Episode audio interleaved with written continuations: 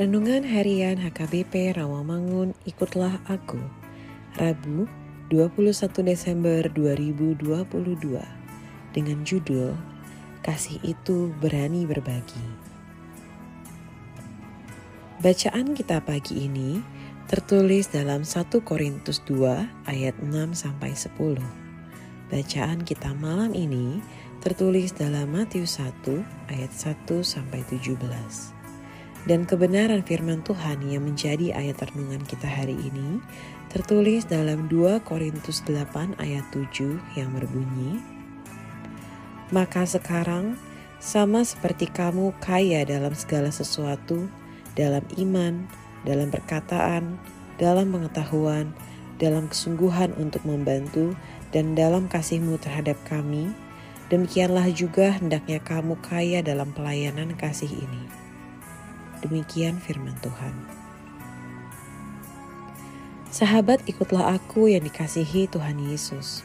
Paulus menasihati jemaat Korintus untuk menandingi kemurahan hati jemaat Makedonia dalam menolong jemaat di Yerusalem yang menderita dan miskin.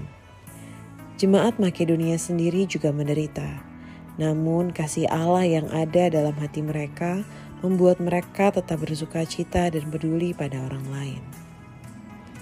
Kita sering sibuk dengan persoalan dan kesulitan pribadi sampai lupa dan tidak peduli bahwa di luar sana masih banyak yang lebih menderita dan membutuhkan pertolongan.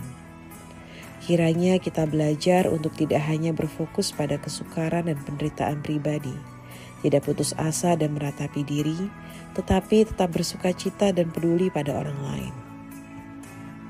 Salah satu mitos yang paling bertahan di dalam benak banyak orang Kristen adalah bahwa seseorang haruslah kaya untuk dapat memberi dan berbagi.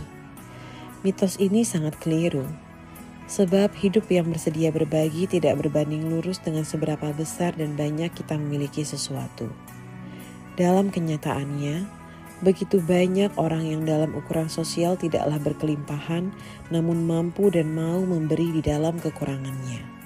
Sebaliknya, tidak sedikit orang yang melimpah-limpah ternyata tak pernah merasa cukup dan karenanya tak pernah mampu dan mau memberi dan berbagi. Yang penting bukanlah berapa banyak kita memberi, namun berapa banyak cinta yang kita bubuhkan lewat pemberian kita. Engkau dapat Tuhan memberi tanpa mencintai, namun engkau tidak dapat mencintai tanpa memberi. Amin. Marilah kita berdoa.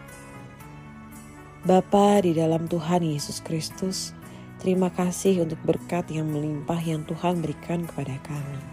Kiranya kami mampu berbagi berkat-Mu. Amin.